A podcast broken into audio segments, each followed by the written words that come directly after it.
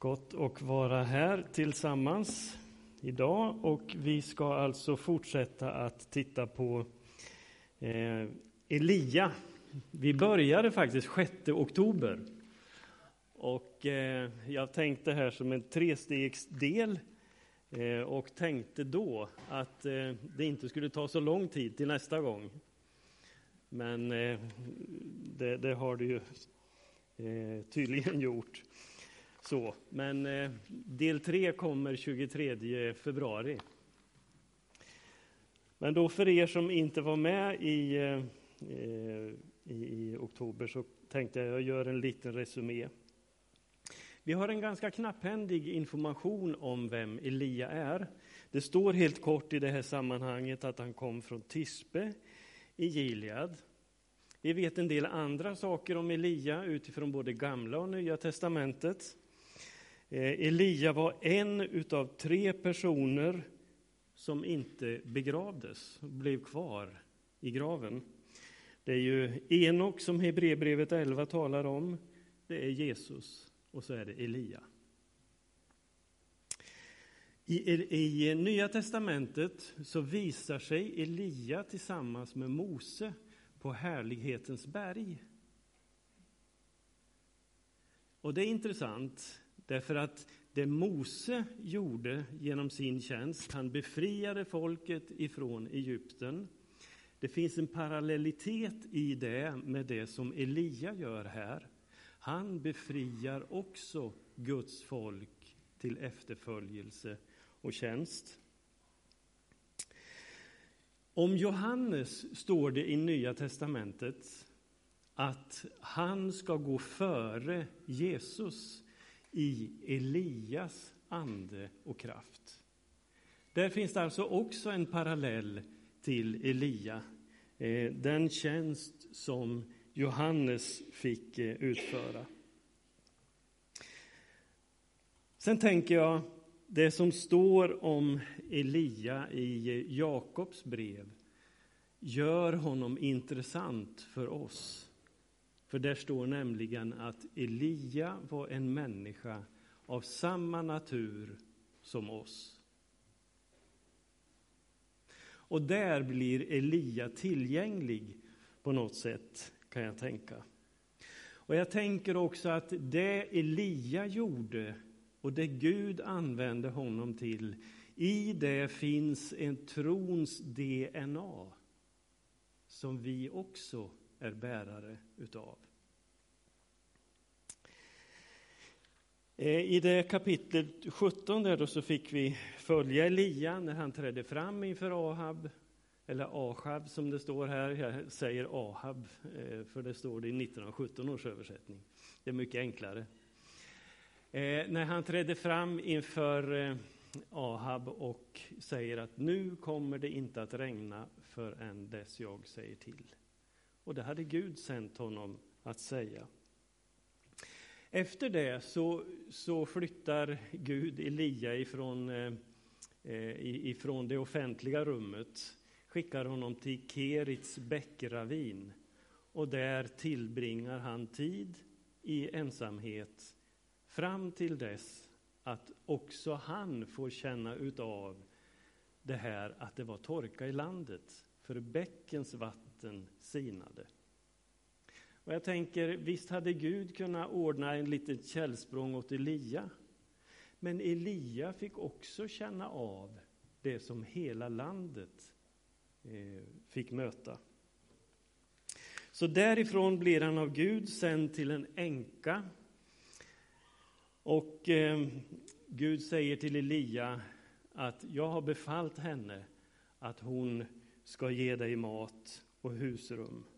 Han möter henne och hon säger, jag är ute för att samla ihop några vedpinnar för att baka det sista bröd, eller använda det sista mjölet för mig och min son.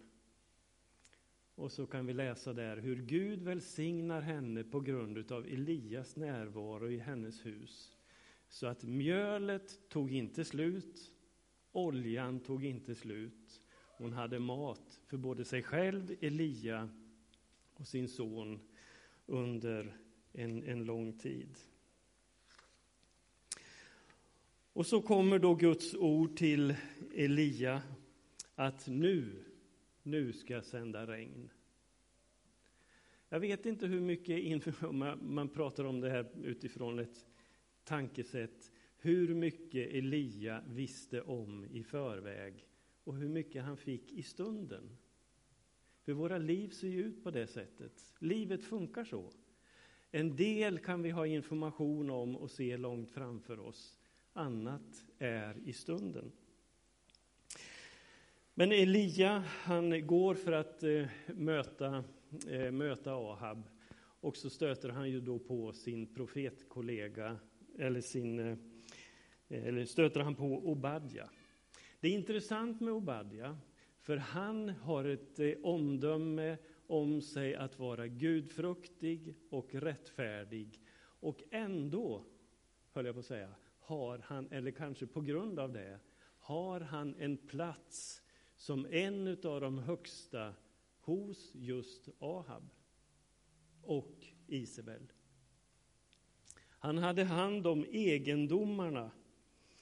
Och det är en ganska märklig situation därför att Isabel, hon ger ju mat till Baals profeterna, de 450, och Asheras 400.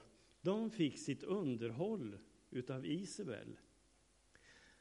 Jag kan fundera på hur mycket var eh, Obadja engagerad i det? För någonstans tror jag att han, han, det, det ingick i hans jobb att sköta också det.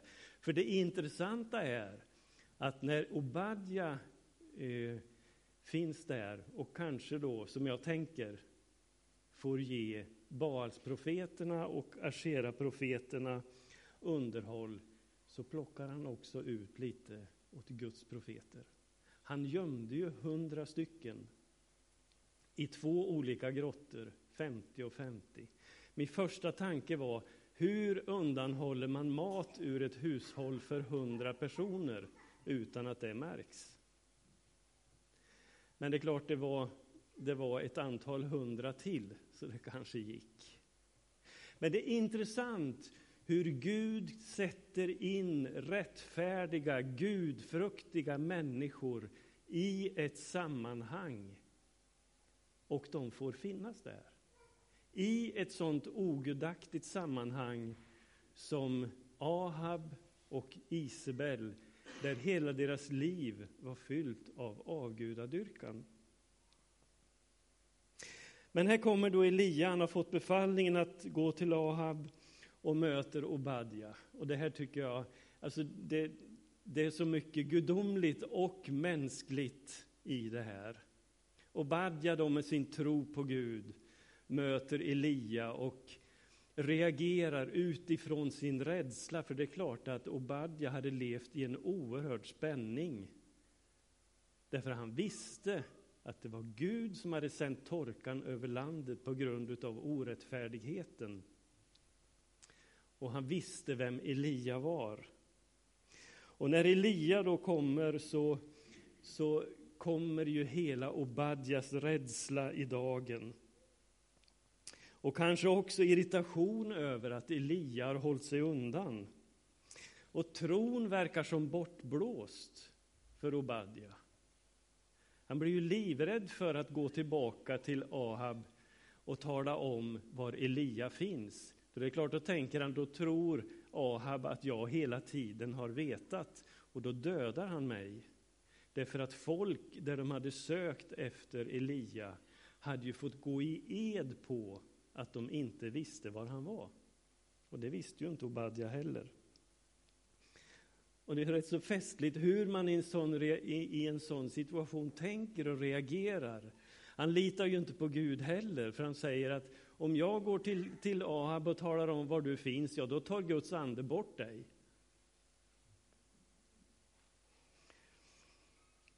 Festligt att se hur vi kan tänka och reagera. Jag tror inte vi har hela dialogen mellan Obadja och Elia här, men någonstans så händer ju ändå det hos Obadja som gör att han går till Ahab och talar om var Elia finns. Och då får Ahab komma ut till Elia.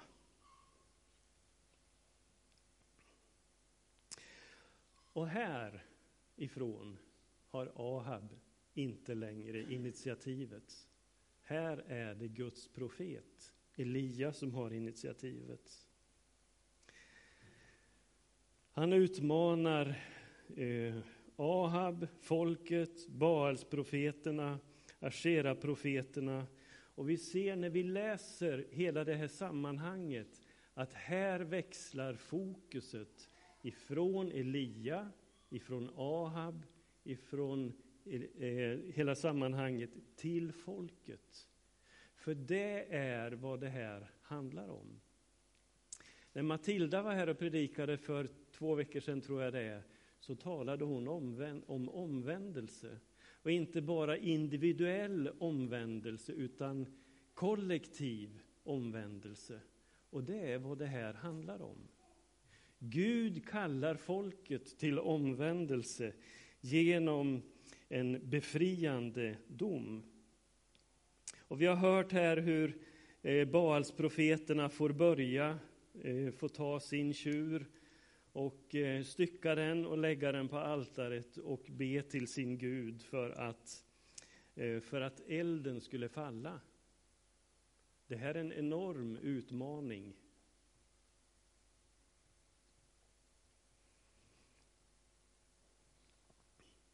Så bygger Elia ett altare. Och lägg märke till hur Elia bygger det här altaret. Han bygger det på det sätt som Gud hade sagt till sitt folk att bygga altaret. Han tar en sten som står för varje stam i Israels folk. Och jag tänker när han börjar det här bygget av det här altaret så händer någonting hos folket. Det finns ett igenkännande, även om templet inte, eller inte, altaret inte reses i templet. Från det att Elia eh, hade frågat dem, eh, vem är det som, eh, nu ska vi se, hur, hur var det här? Eh, hur länge ska ni hålla på så här och inte veta vilket ben ni ska stå på? Eh, är det Herren som är Gud, så följ Herren. Är det Baal, så följ Baal. Men de svarade inte ett ord. Varför då? Därför de, de var liksom stod mitt emellan. Säger vi att vi ska följa Baal så vet vi att det är fel. Säger vi att vi ska tjäna Herren, ja då får vi Baals-profeterna på oss. Och så visste man inte vad man skulle välja. Men Elia bygger ett altare, han samlar folket runt omkring sig och ställer i ordning Guds altare, lägger på tjuren. Och för att det skulle vara helt klart att eh, inte någonting annat skulle tända den här brasan så häller han rejält med vatten över det. För rent potentiellt i den här torkan skulle det ju kunna legat någon glasskärva eller någon spegelbit eller någonting som hade tänt. Men han öste vatten över det och alla som har försökt tända en riktigt våt brasa vet hur det här kan vara. Men Gud svarar med eld. Och den här elden den förtär offret, vattnet, hela altaret, stenarna. Jag undrar hur länge den här brasan brann. Jag tror inte att det sa poff och att alltihop var borta. Utan jag tänker mig att det kanske var några timmar som den här brasan brann. Och fundera över hur var det här? När man såg att Guds eld hade fallit och den brann. Där hände någonting naturligtvis inom människor.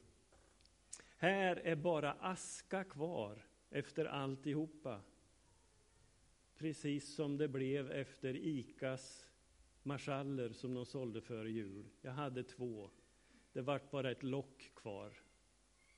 Allt annat hade brunnit upp.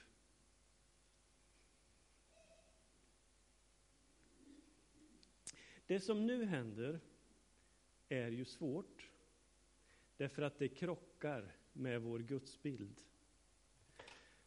Att Elia och folket tar och dödar 450 människor. Men jag ska försöka mig på en liten bild som hjälper dig att förstå. Det här går inte att förstå genom känsla, utan det måste förstås på ett annat sätt. Om du tänker dig att du ställer en spegel mellan Gamla och Nya testamentet, alltså bildligt mitt i Bibeln.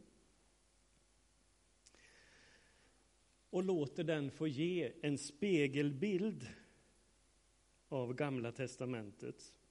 Och du vet vad som händer när man använder en spegel, eller hur?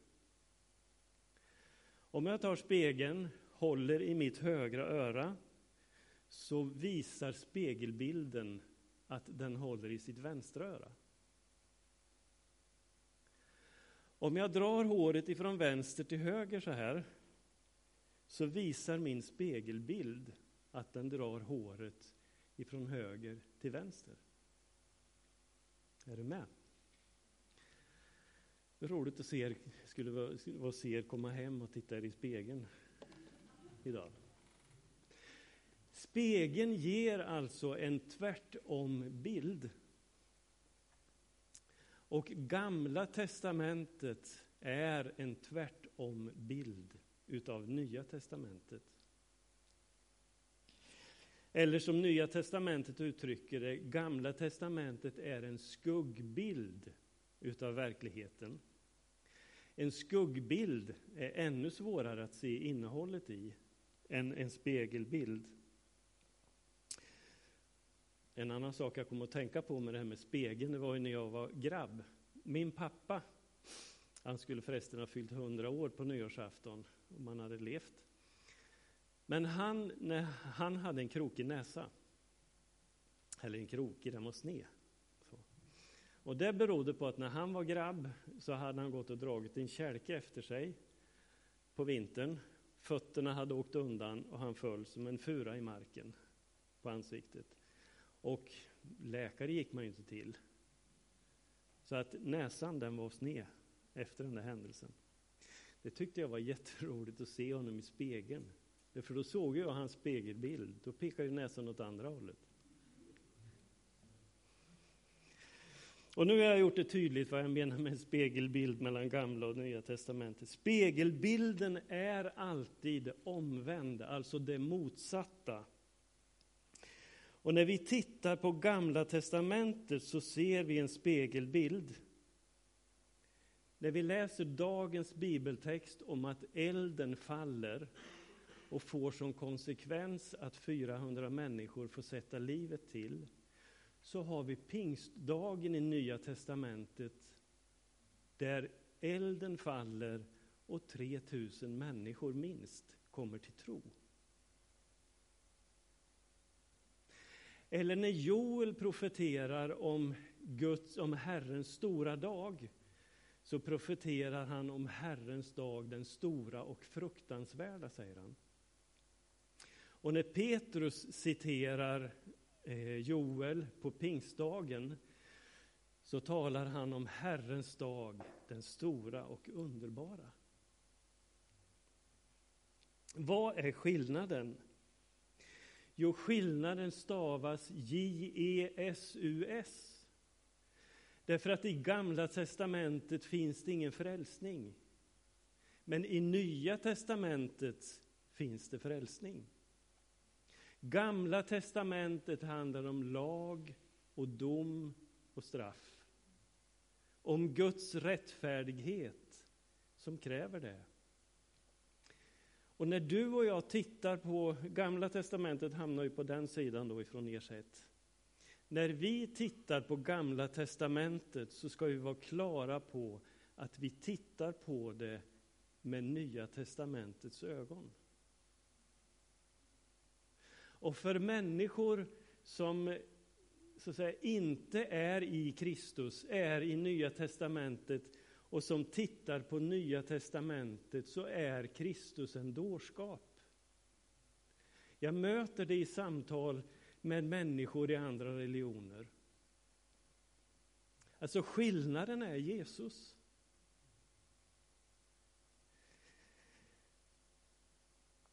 Det hjälper mig att tänka på det som händer här.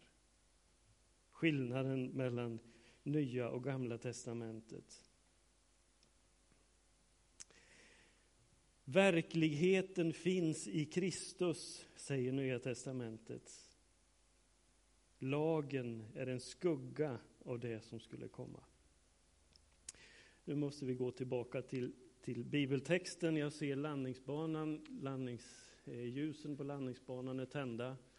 Och kaptenen säger Crew, take your seat. Gud befriar sitt folk till tjänst och det sker genom en dom över Baalsprofeterna. Och nu tänker jag, här får Ahab problem.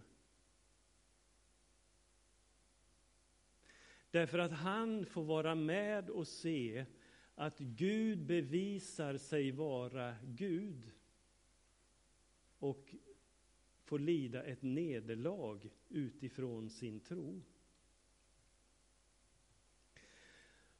Och det som ganska snart vaknar hos Ahab, det är att han ska hem till Isabel och berätta det här. Jag tror att Ahab hade det jättesvårt. Men jag tror också att Ahab hade också haft möjlighet att omvända sig. Och kanske det var så att Elia och Ahab hade en del dialog här. Och att Elia fick undervisa honom eh, om vägen. Men det Elia gör, det är också intressant att notera. Gud hade ju sagt att nu ska jag låta regn falla. Men det Elia gör, det är att han kryper ihop på berget och ber till Gud. Han ber om det Gud redan hade sagt att han skulle göra. Och det är ett utav bönens ansikte. Att be om det Gud hade sagt han skulle göra. Jag är uppvuxen i, i, eh, i, i kyrksammanhang, frikyrkosammanhang och där hörde jag ett uttryck man använde, att be sig igenom. Och det är det jag ser här hos Elia. Jakob säger att han bad en bön och det regnade, och det stämmer ju. Han bad en bön, men han bad den sju gånger. Alltså, han bad till dess att bönesvaret kom. Det här är en nyckel för oss som Guds folk som församling att be och kämpa för det som Gud har sagt att han ska göra. Han skickar iväg sin tjänare att titta ut över havet. Himlen är klarblå, vackert väder. Sjunde gången så säger tjänaren Jag ser ett litet, litet moln. Ungefär som en mans hand. Jag vet inte hur långt ifrån ansiktet han höll den. Och då, direkt visste Elia, nu kommer regnet.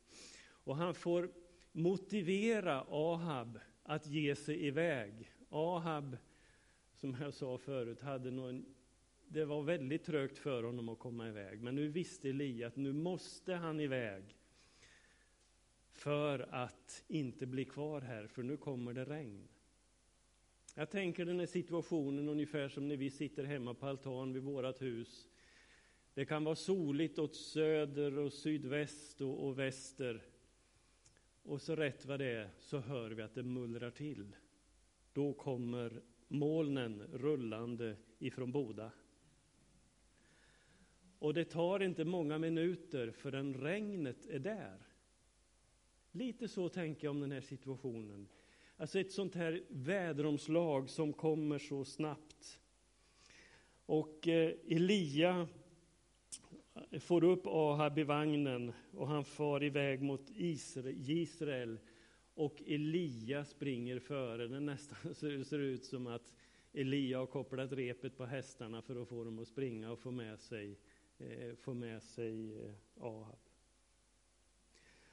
Och så fick Elia kraft att springa framför dem under hela det här ovädret fram till Israel. Så kommer Ahab hem till Isabel. Och berättar för henne vad som har hänt. Jag tror att det är en livrädd Ahab som kliver in över tröskeln hemma. För han vet vad han kommer att möta. Han vet vem Isabel är och vad hon står för. Men han berättar för henne vad Elia hade gjort, hur han hade dödat alla profeterna med svärd. Då skickade Isabel bud till Elia och lät säga Gudarna må straffa mig nu framgent och om jag inte redan imorgon låter dig möta samma öde som dessa profeter. Elia blev rädd och flydde för sitt liv. Han kom till Berseva i Juda. Där lämnade han kvar sin tjänare. Själv gick han vidare en dagsled ut i öknen. Och efter den vandringen satte han sig under en ginstbuske och önskade sig döden. Det är nog nu, Herre. Ta mitt liv. Jag är inte bättre än mina fäder. Och så la han sig ner och somnade där under ginstbusken. För några dagar sedan så var han på Karmel. Stod i spetsen för det Gud gjorde för att befria sitt folk. Här ser vi en helt annan bild utav Elia. Det som jag sagt, det mänskliga och det gudomliga möts på ett mycket, mycket starkt sätt i det här sammanhanget. Och vi ska stanna här och säga att vi börjar här den 23 februari i den här bibeltexten och går vidare och ser hur Gud kommer till Elia igen.